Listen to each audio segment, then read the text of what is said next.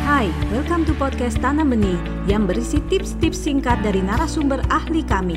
Jangan lupa di-follow. Gimana sih gitu? Kita udah terima perasaannya si anak, lalu apa sih yang sebaiknya kita lakukan kepada anak? Ada beberapa respon yang bisa kita berikan kepada anak ya.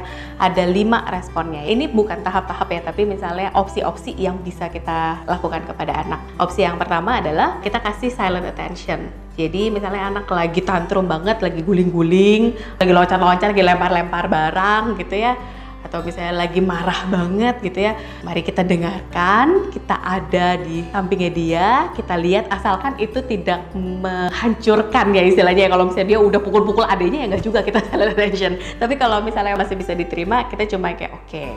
nah itu yang pertama. Jadi kita diam kita proses juga di pemikiran kita kita sadari bahwa kita ada di sebelahnya dia dan anak itu juga sadar bahwa ada orang tuanya di sebelahnya dia yang sedang menemani dia mengalami perasaan-perasaan itu.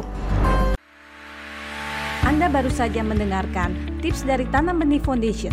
Mari bersama-sama kita terus belajar untuk menjadi orang tua yang lebih baik demi generasi yang lebih baik. Jangan lupa follow podcast kami